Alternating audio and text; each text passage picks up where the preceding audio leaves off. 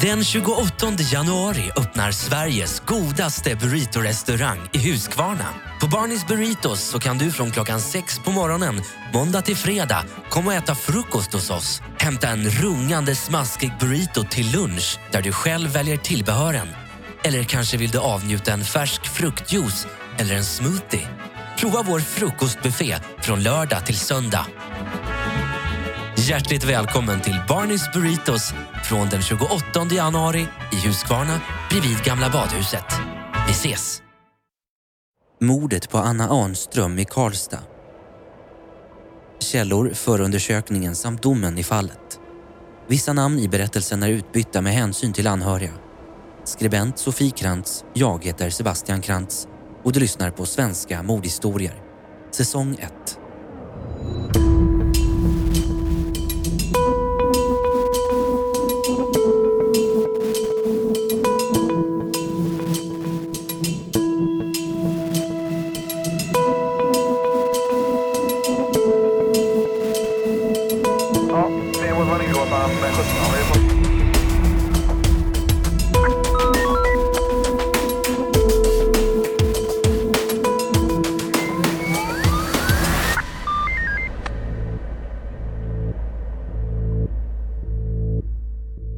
Lördagen den 3 juni har Eivor inte hört någonting ifrån sin dotter Anna sen kvällen innan. Det är olikt henne, för hon brukar alltid höra av sig åtminstone till sin mamma eller mormor. Under fredagen skulle Anna gå ut och träffa en kompis. Därför tänker mamman till en början att det säkert blev sent att hon ligger och sover. Men när timmarna fortsätter gå så växer oron. Vid 19-tiden på kvällen sitter familjen vid middagsbordet och Eivor uttrycker sin rädsla över att någonting måste vara fel.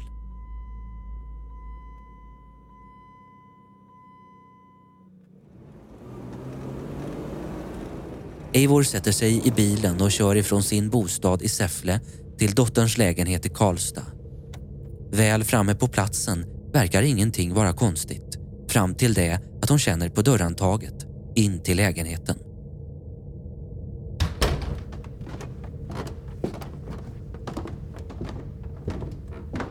Den är upplåst. Och Anna lämnar aldrig dörren olåst.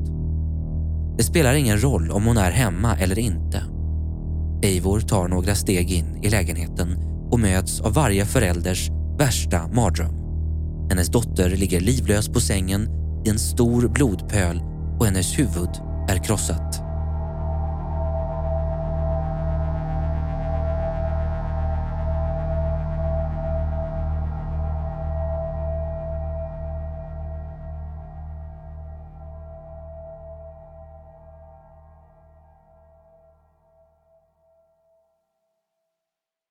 Eivor backar ut ur lägenheten och skriker innan hon till slut ringer SOS Alarm.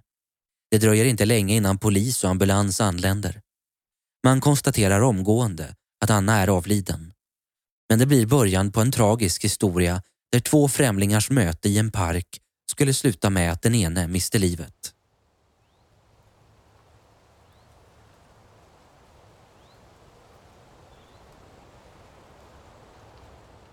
Det är fredag den 2 juni 2017. 25-åriga Anna Anström ska träffa en kompis och gå ut och festa. Anna lider av ADHD, Aspergers och social fobi och har för det mesta varit för sig själv. Så sent som i februari bestämde hon sig för att lämna sin hemstad Säffle och flytta till Karlstad. Det skulle bli som en nystart i hennes liv då hon haft problem med droger men också för att komma närmre sina vänner.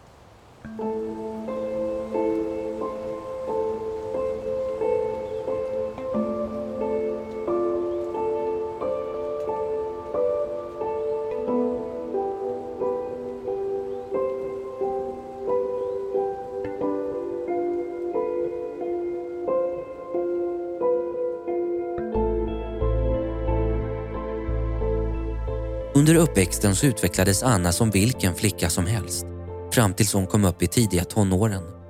Då började problemen arta sig. Hon började må mycket dåligt och uppvisa självskadebeteende och så småningom började hon använda narkotika. I sina kärleksrelationer har Anna varit den sökande vilket varit typiskt för henne i allmänhet. Hon var osäker på sin sexuella läggning och uttryckte vid flera tillfällen till sina närmsta att hon nog var bisexuell. Året är 2014 då Anna träffar en kille som vi kallar för Gustav.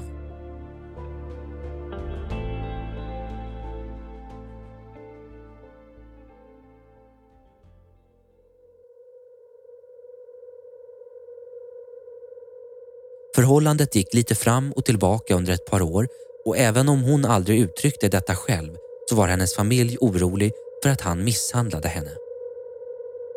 Under midsommarhelgen 2015 bröt Anna sin arm och någon riktig förklaring till varför gav hon aldrig. Till slut markerar ändå Anna att förhållandet var slut på riktigt. Men då börjar Gustav trakassera henne. Vid den tiden börjar Anna isolera sig. Gardinerna ska alltid vara fördragna och dörren måste vara låst. Gustav hotade att döda henne och Anna verkade verkligen vara rädd för sitt liv. Hennes mentala hälsa sviktar och drogmissbruket fortsätter. Till slut lugnar sig situationen lite av sig själv utan att någonting mer händer. Och då bestämmer hon sig för att på eget initiativ söka sig till ett behandlingshem i Hultsfred.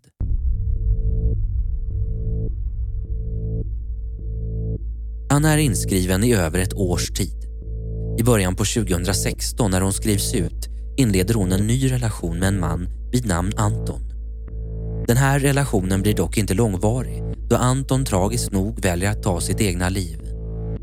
Men från att hon skrivs ut från behandlingshemmet 2016 håller hon sig trots flera traumatiska upplevelser ändå fri från tyngre droger och mår förhållandevis bra.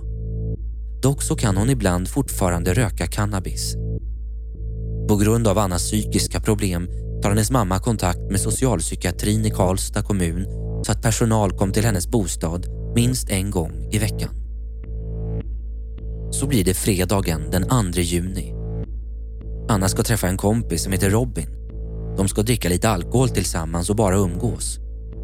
Under dagen skriver hon med sin bästa kompis Sofia på Facebook.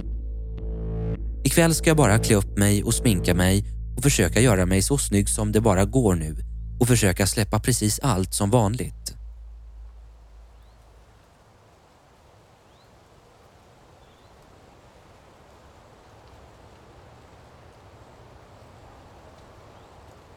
Hon har bara varit ute i Karlstad en gång tidigare och säger hur glad hon är att hon hittat en bra killkompis eftersom att hon nästan bara har tjejkompisar. Runt den 25 maj tog det slut mellan Anna och hennes senaste pojkvän David. Hon upplevde då att han ignorerade henne och inte brydde sig. Men efter bara någon dag återförenas de igen men efter det så har det varit fram och tillbaka. Robin har precis avslutat sitt förhållande och behöver lite stöd och tröst den här kvällen. Han cyklar ifrån Våxnäs under eftermiddagen och möter Anna i centrala Karlstad där hon precis hoppat av bussen ifrån Kronoparken de står och pratar på torget en stund innan de sätter sig på en uteservering. Men ganska snart bestämmer de sig tillsammans för att gå till Systembolaget för att handla och sen gå och sätta sig i Sandgrundsudden. Det är en park i centrala Karlstad som bildats av slam ifrån Klarälven.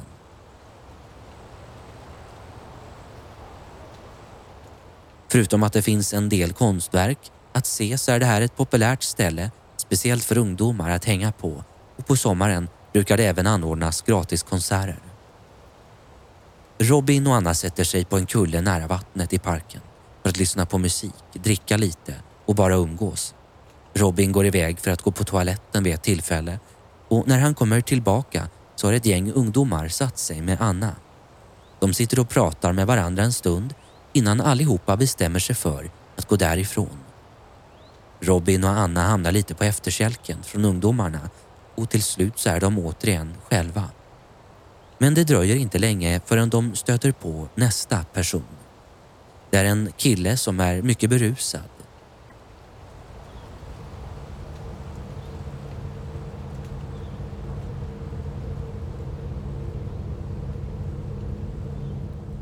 Detta var i och för sig inget ovanligt för en fredagkväll.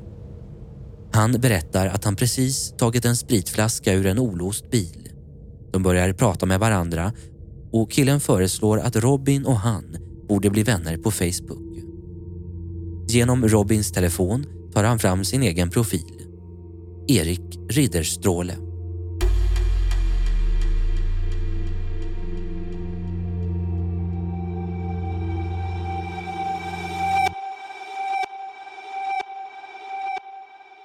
Robin bor tillfälligt hos sin syster och vill åka hem. Anna och Erik har dock en annan plan. De vill gå till Kronoparken för att köpa hash. Anna kommer med förslaget att Erik och hon ska dela på fem gram, men han har inte pengar. Han har inte ens pengar för att kunna ta bussen. Anna säger då att hon bjuder honom på både bussen och rökat. Meningen är att hon ska ta bussen till Våxnäs och träffa Robin efteråt, men det blir inte så. Det sista Robin ser av Anna är när hon stödjer sig åt den nyfunne vännen Erik. Det här troligtvis för att hon hade upplevt känselbortfall och smärtor i benen under den senaste tiden. Hon besökte till och med akuten bara några dagar tidigare men fick besked av neurologen att det inte skulle vara någon fara. Men vem är då denne Erik?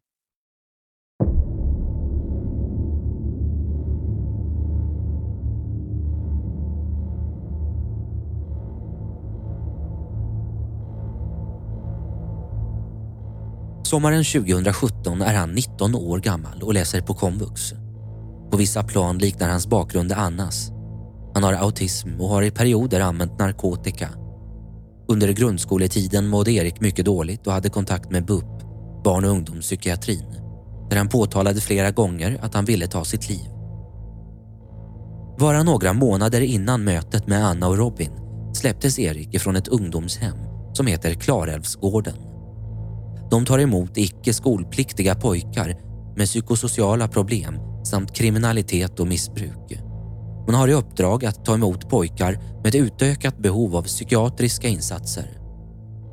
Efter att Erik släpps därifrån får han en egen lägenhet i Karlstad.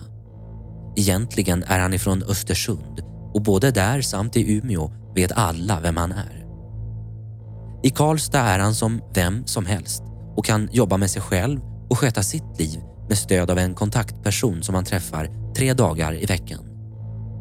Vad som lett fram till flytten och LVU-placeringen är bland annat en dom som han fick den 1 april 2015 där han av Östersunds tingsrätt dömdes för narkotikabrott och misshandel till ungdomsvård.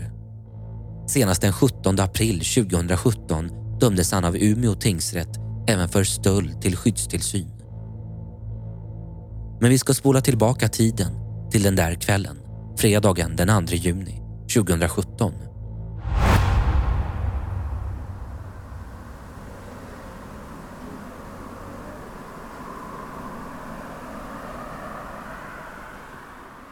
Robin har åkt hem. Anna och Erik sätter sig tillsammans på en bänk för att vänta på bussen som ska ta dem till Kronoparken. När klockan är 20.44 skickar Anna ett sms till Robin där det står “Jag blev så trött så vi är på väg hem till mig. Men vi gör om det här snart igen, allihopa.” Erik följer med Anna till hennes lägenhet på Fagottgatan. I lägenheten fortsätter de dricka alkohol och Anna lämnar över två och ett halvt gram hash till honom som han stoppar ner i fickan. Trots att han redan också är för berusad så får han en stillnocktablett som han sväljer direkt. De här har Anna utskrivna på grund av att hon har problem med att sova. Det är ett läkemedel av bensodiazepiner som egentligen ska användas vid sömnbesvär. Reaktioner som rastlöshet, förvärrad sömnlöshet, irritation, aggressivitet, vanföreställningar, raserianfall, mardrömmar, hallucinationer, sömngång eller andra beteendestörningar kan förekomma vid behandling med bensodiazepins besläktade medel och att blanda med alkohol kan förstärka effekten flera gånger om.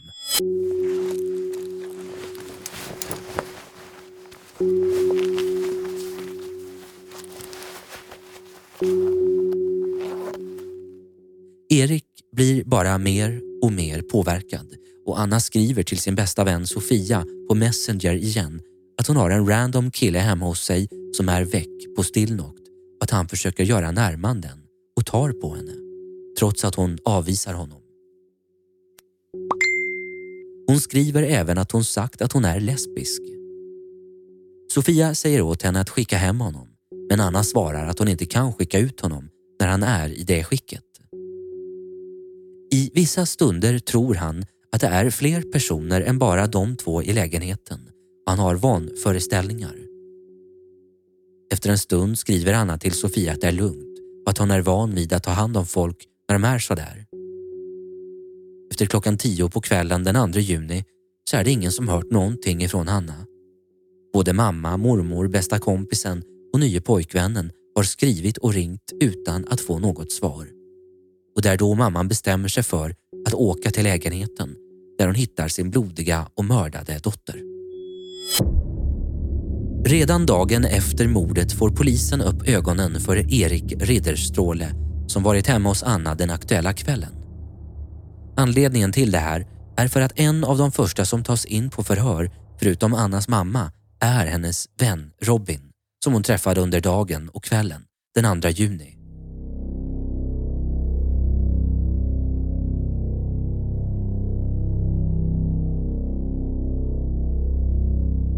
Robin berättar för polisen om träffen med Erik. Anledningen till att han vet vad Eriks efternamn är för att Erik tog Robins telefon och skickade en vänförfrågan via Facebook till sin egen profil. Det andra som gör att han nästan omedelbart blir misstänkt är också på grund av konversationen som skett mellan Anna och hennes bästa vän Sofia under kvällen. Av någon anledning tycks Erik ha bråttom att lämna Sverige och ringer sin mamma och ber om 2000 kronor. Han påstår först att han ska ha pengarna till att betala böter som snart skulle gå till inkasso. Mamman skickar över pengarna via telefonbanken. Men det dröjer bara några dagar innan mamman inser att någonting inte står rätt till då polisen kommer hem till henne i Östersund och söker honom.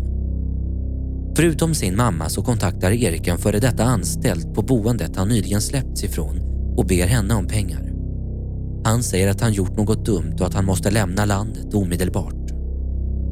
Hon säger att hon inte kan låna honom några pengar och uttrycker sig skämtsamt. Du har väl inte dödat någon? Varpå Erik svarar att han inte kan prata om det över telefon men att alla snart skulle få veta. Kvinnan som vi kallar för M beskriver Erik som en person som är mycket manipulativ och som ljuger mycket. Han har även haft mycket ångest och fått flera psykoser. Han har ibland uttryckt aggressioner om ilska om personer han pratat om även om han inte direkt riktat ilskan emot henne eller någon annan i personalen på boendet.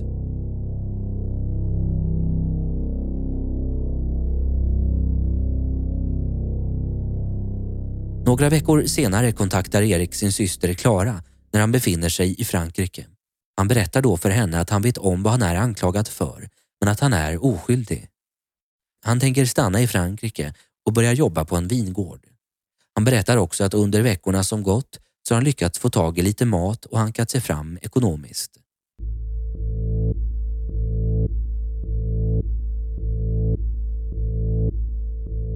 Drygt en månad efter mordet på Anna så grips Erik till slut när en kontrollant upptäcker att han saknar biljett under en tågresa i Tyskland. Under tiden han varit på rymmen har han varit i Stockholm, Köpenhamn och till sist München. Detta har han lyckats med genom att planka.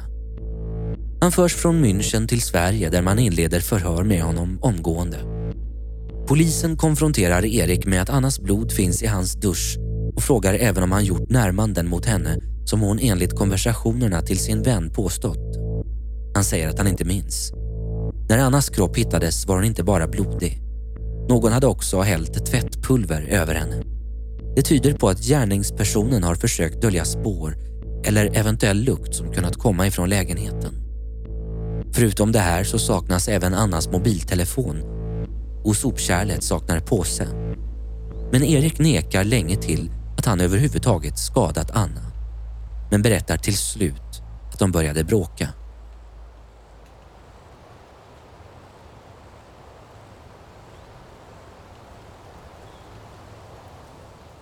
Han erkänner att han varit hemma hos henne och att de lyssnat på musik, druckit alkohol och pratat. Han berättar också att han tog några tabletter Stilnoct som han fick av henne.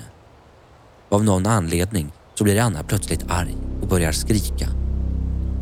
Han slår henne två gånger så hon faller till marken och börjar blöda näsblod.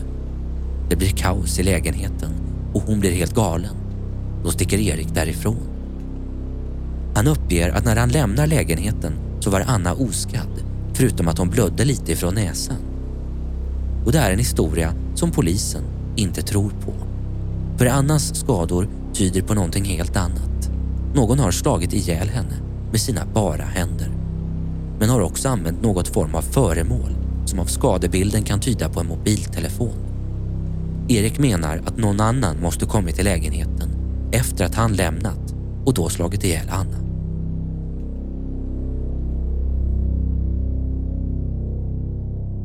Vid gripandet i Tyskland anträffas en mobiltelefon bland Eriks tillhörigheter som inte tillhör honom. Under utredningens gång upptäcker man att Erik begått ytterligare ett brott bara en vecka innan mordet på Anna.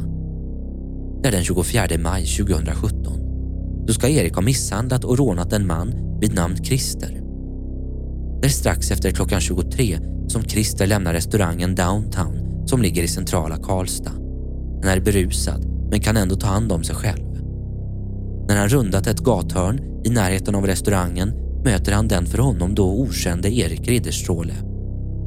Erik attackerar honom helt oprovocerat med sparkar och slag så att han faller till marken. Och när Erik väl lyckas ta sig upp börjar Erik kräva honom på pengar.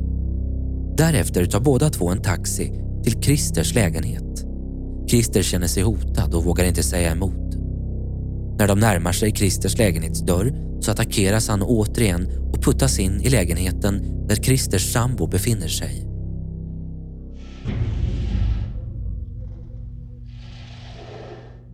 Erik tvingar paret att sätta sig i soffan där han börjar kräva dem på pengar och att de skulle ge honom inloggningsuppgifter till sina banker.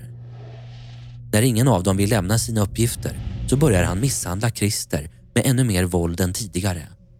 Han slår honom med hans egen mobiltelefon och säger att han måste betala 10 000 kronor. Han vänder sig sedan till sambon och kräver hennes smycken och mobiltelefon.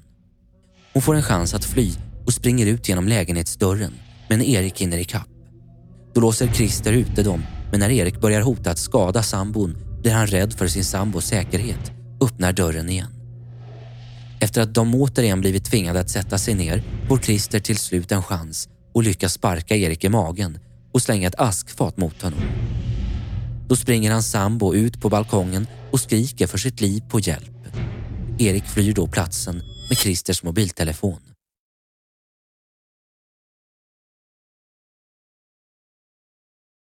Den 25 januari 2018 kommer tingsrättsdomen som dömer Erik till 11,5 års fängelse för mord. Det totala straffvärdet ansågs vara 17 år. Men eftersom att han bara var 19 år gammal vid tiden för brottet så får han så kallad straffrabatt eller också kallat ungdomsrabatt på grund av sin låga ålder som i praktiken tillämpas för gärningsmän som vid gärningen var under 21 år gamla. Av det rättspsykiatriska utlåtandet framgår det att slutsatsen av undersökningen är att Erik inte lider av någon allvarlig psykisk störning. Och inte heller gjorde han det vid tiden för mordet. Han får betala skadestånd till Christer och hans sambo på sammanlagt 50 000 kronor. Även till Annas anhöriga blir han ersättningsskyldig och ska betala 210 000 kronor. Domen överklagas till hovrätten där Erik kräver att han ska frikännas helt ifrån alla anklagelser. Men hovrätten väljer att gå på tingsrättens linje och i sin bedömning anser hovrätten att det kraftiga våldet han använt mot Anna tyder på att han hade för avsikt att döda henne. Han döms också för rånet mot Christer. Och I april 2018 fastställer hovrätten tingsrättens dom och skadeståndet höjs. Eriks fängelsevistelse har inte varit helt fläckfri. Så sent som i somras sattes han i isolering efter ett blodigt bråk med en annan intagen. Du har lyssnat på mordet på Anna Arnström i Karlstad. Tack för att du har lyssnat.